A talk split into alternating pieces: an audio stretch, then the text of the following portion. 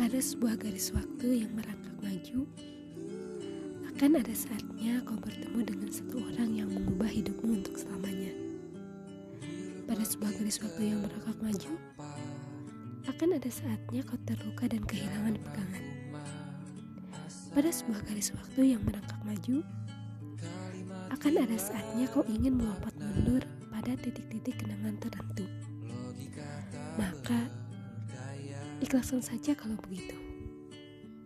Karena sesungguhnya, yang lebih menyakitkan dari melepaskan sesuatu adalah berpegangan pada sesuatu yang menyakitimu secara perlahan.